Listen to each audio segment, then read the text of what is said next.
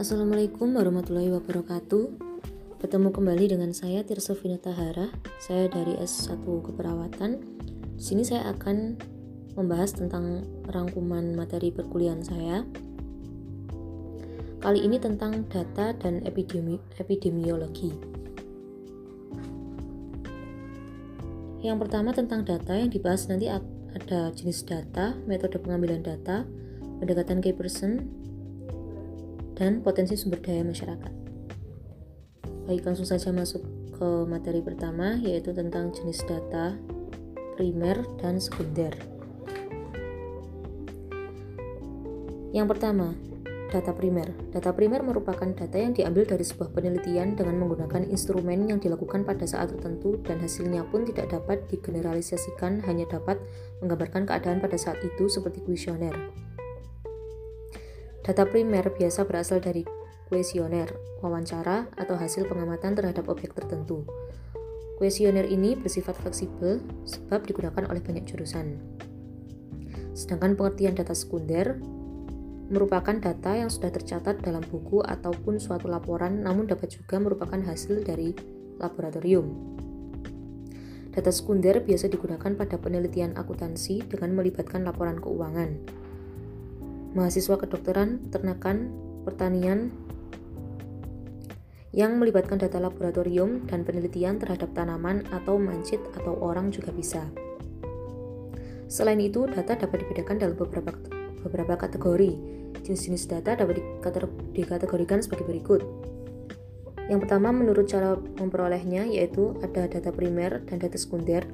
Yang kedua, menurut sumbernya, yaitu ada data internal dan data eksternal.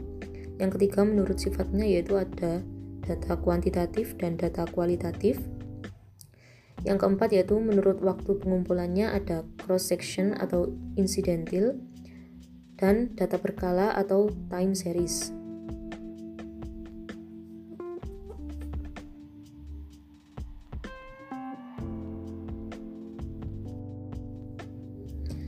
Selanjutnya, Langsung masuk materi yang kedua yaitu tentang metode pengambilan data. Metode pengambilan data dapat digunakan secara sendiri-sendiri, namun dapat pula digunakan dengan menggabungkan dua metode atau lebih. Beberapa metode pengambilan data antara lain yaitu yang pertama wawancara. Wawancara adalah teknik pengumpulan data yang dilakukan melalui tatap muka dan tanya jawab langsung antara peneliti dan narasumber. Wawancara terbagi atas dua kategori, yaitu wawancara terstruktur dan tidak terstruktur. Yang pertama, wawancara struktur. Terstruktur, peneliti telah mengetahui dengan pasti informasi apa yang hendak digali dari narasumber.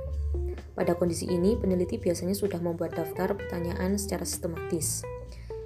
Yang kedua, wawancara tidak terstruktur. Wawancara tidak struktur adalah wawancara bebas. Peneliti tidak menggunakan pedoman wawancara yang berisi pertanyaan-pertanyaan spesifik, namun hanya membuat poin-poin penting dari masalah yang ingin digali dari responden.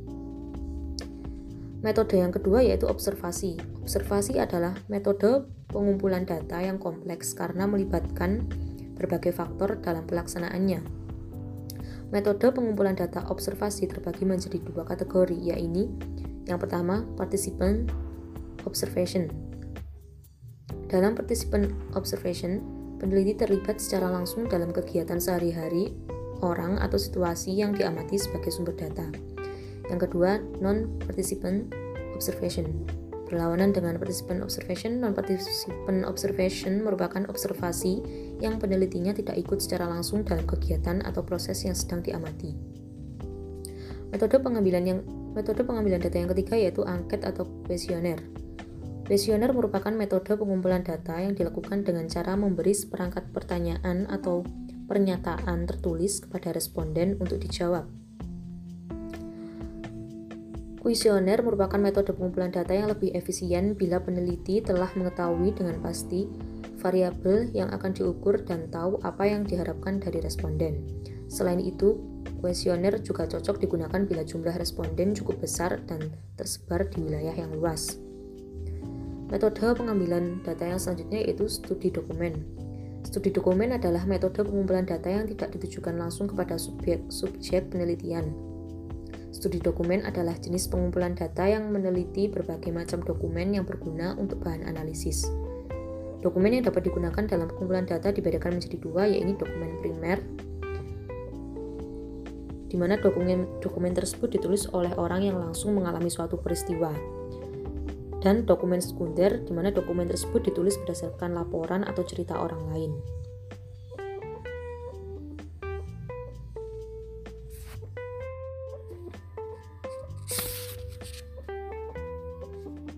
Selanjutnya yaitu pendekatan key person.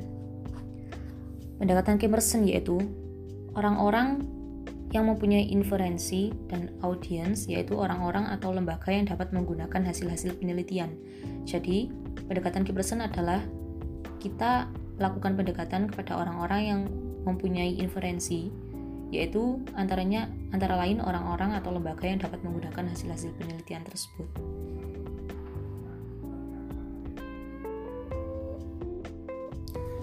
Baik, langsung masuk ke materi selanjutnya yaitu tentang sumber daya manusia. Pengertian sumber daya manusia secara umum pengertian sumber daya manusia dapat dibagi menjadi dua, yaitu sumber daya manusia secara makro dan mikro. Pengertian sumber daya manusia makro adalah jumlah penduduk usia produktif yang ada di sebuah negara, sedangkan pengertian sumber daya manusia mikro lebih mengerucut pada individu yang bekerja pada sebuah institusi. Sementara itu, Pengertian sumber daya manusia menurut para ahli memiliki arti yang lebih beragam. Salah satunya menurut Malayu Hasibuan, sumber daya manusia merupakan kemampuan terpadu dari daya pikir dan daya fisik yang dimiliki individu. Kemampuan sumber daya manusia tidak dapat dilihat dari satu sisi saja, namun harus mencakup keseluruhan dari daya pikir dan juga daya fisiknya. Yaitu tadi tentang data. Selanjutnya akan dibahas tentang epidemiologi.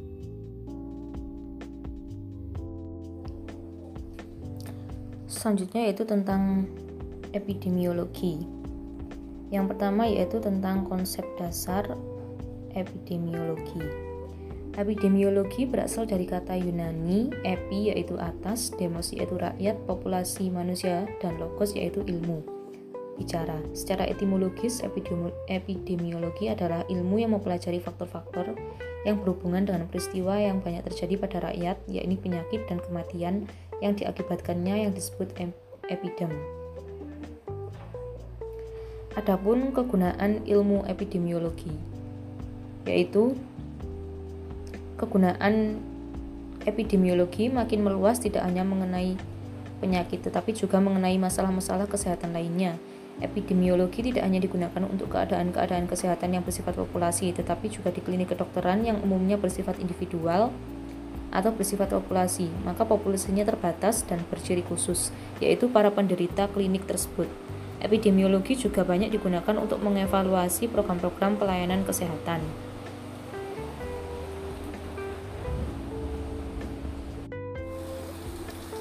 Baik, itu tadi tentang konsep dasar epidemiologi. Selanjutnya yang kita bahas adalah metode epidemiologi. Metode epidemiologi meliputi epidemi yang pertama epidemiologi deskriptif. Epidemiologi deskriptif dipelajari bagaimana frekuensi penyakit berubah menurut perubahan variabel-variabel epidemiologi yang terdiri dari orang, tempat, dan waktu. Yang kedua yaitu epidemiologi analitik. Pendekatan atau studi ini dipergunakan untuk menguji data serta informasi-informasi yang diperoleh studi epidemiologi deskriptif ada tiga studi tentang epidemiologi. Epidemiologi ini yaitu yang pertama studi riwayat kasus. Dalam studi ini akan dibandingkan antara dua kelompok orang, yaitu kelompok yang terkena penyebab penyakit dengan kelompok orang tidak terkena penyakit. Yang kedua yaitu studi cohort. Dalam studi ini, sekelompok orang dipaparkan pada suatu penyebab penyakit. Kemudian diambil sekelompok orang lagi yang mempunyai ciri-ciri yang sama dengan kelompok pertama. Yang ketiga yaitu epidemiologi eksperimen. Studi ini dilakukan dengan mengadakan eksperimen atau percobaan kepada kelompok subjek, kemudian dibandingkan dengan kelompok kontrol yang tidak dikenakan percobaan.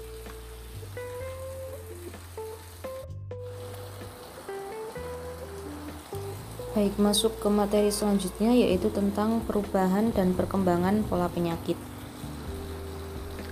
konsep terjadinya penyakit, yaitu yang pertama segitiga epidemiologi, bahwa timbulnya penyakit karena interaksi ketiga faktor yaitu induk semang, lingkungan, dan agen. Ketiga faktor ini akan berinteraksi kemudian mempengaruhi status kesehatan individu dan masyarakat. Menurut model ini, perubahan salah satu faktor akan mengubah keseimbangan di antara mereka yang mengakibatkan bertambah atau berkurangnya penyakit. Yang kedua yaitu jaring-jaring sebab akibat. Model ini menyatakan bahwa penyebab penyakit tidak hanya oleh satu sebab, melainkan oleh serangkaian proses sebab akibat. Oleh karena itu, salah satu cara untuk menghentikan penyakit adalah dengan memotong mata rantai dari berbagai faktor. Selanjutnya yang ketiga yaitu roda. Teori penyebab penyakit model roda menekankan efek yang kuat interaksi antara lingkungan lingkungan baik lingkungan sosial, fisik, dan biologis dengan inti genetik manusia yang mana faktor host dikelilingi oleh lingkungan. Contoh pada penyakit herediter tentunya proporsi inti genetik relatif, relatif besar, sedangkan penyakit campak status imunitas pejamu dan biologik lebih penting daripada faktor genetik.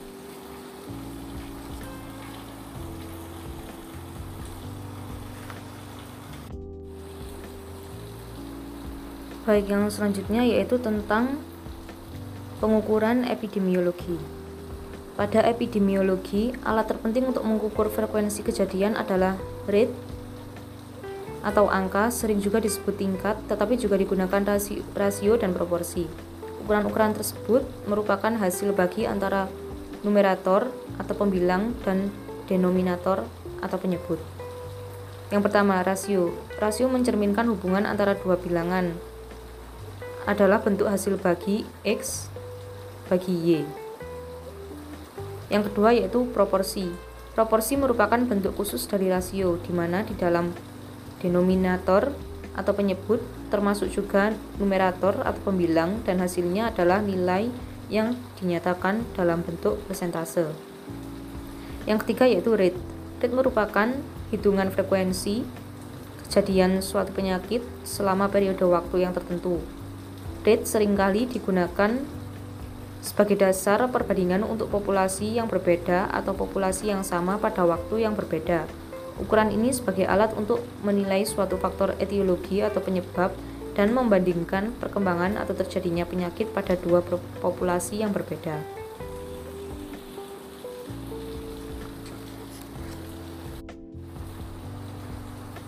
Yaitu tadi tentang pengukuran epidemiologi. Selanjutnya yaitu yang terakhir tentang peran perawat dalam epidemiologi.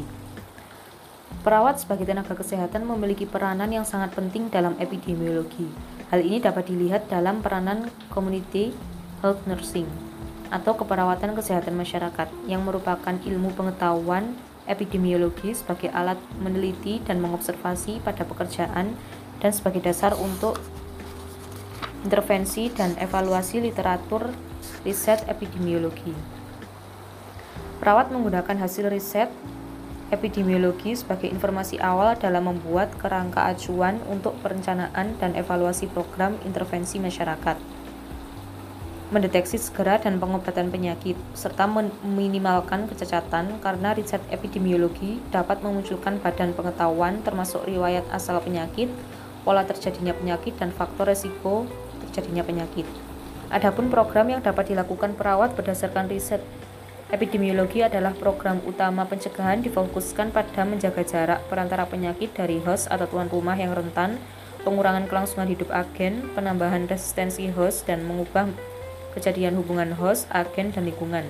Kedua, program mengurangi resiko dan screening. Ketiga, strategi mencegah pada pribadi perawat dengan body of knowledge yang berasal dari riset epidemiologi sebagai dasar untuk pengkajian individu dan kebutuhan kesehatan keluarga dan intervensi perencanaan perencanaan perawatan.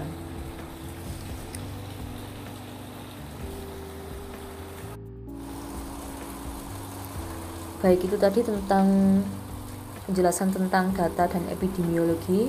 Selanjutnya yaitu tentang kesimpulan. Yang pertama tentang data. Data adalah catatan atas kumpulan Data adalah suatu fakta-fakta tertentu sehingga menghasilkan suatu kesimpulan dalam menarik suatu keputusan. Data dibagi menjadi beberapa kelompok dengan fungsi yang sangat diperlukan dan mempunyai tujuan yang penting bagi kehidupan. Adapun beberapa penjelasan tentang arti data yang berbeda, namun inti dari data adalah untuk menjadikan syarat dalam pembuatan keputusan. Yang selanjutnya yaitu kesimpulan dari epidemiologi.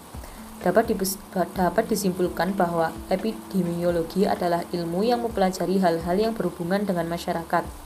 Di dalam kesehatan, ilmu epidemiologi sangatlah penting karena di dalamnya terdapat peran dan tindakan yang harus dilakukan untuk pencegahan masalah kesehatan tersebut. Contoh penanganan dalam masalah penyakit menular, menular dan penyakit tidak menular. Penyakit menular adalah penyakit yang disebabkan virus, parasit, ataupun bakteri. Sedangkan penyakit tidak menular bukan disebabkan dari virus, parasit, ataupun bakteri, melainkan disebabkan karena adanya masalah fisiologis. Penyakit tersebut dapat dihindari dari diri sendiri, yaitu dengan menjaga gaya hidup dan pola makan. Ya, sekian penjelasan dari saya, yaitu tentang data dan epidemiologi. Semoga bermanfaat bagi teman-teman semuanya. Wassalamualaikum warahmatullahi wabarakatuh.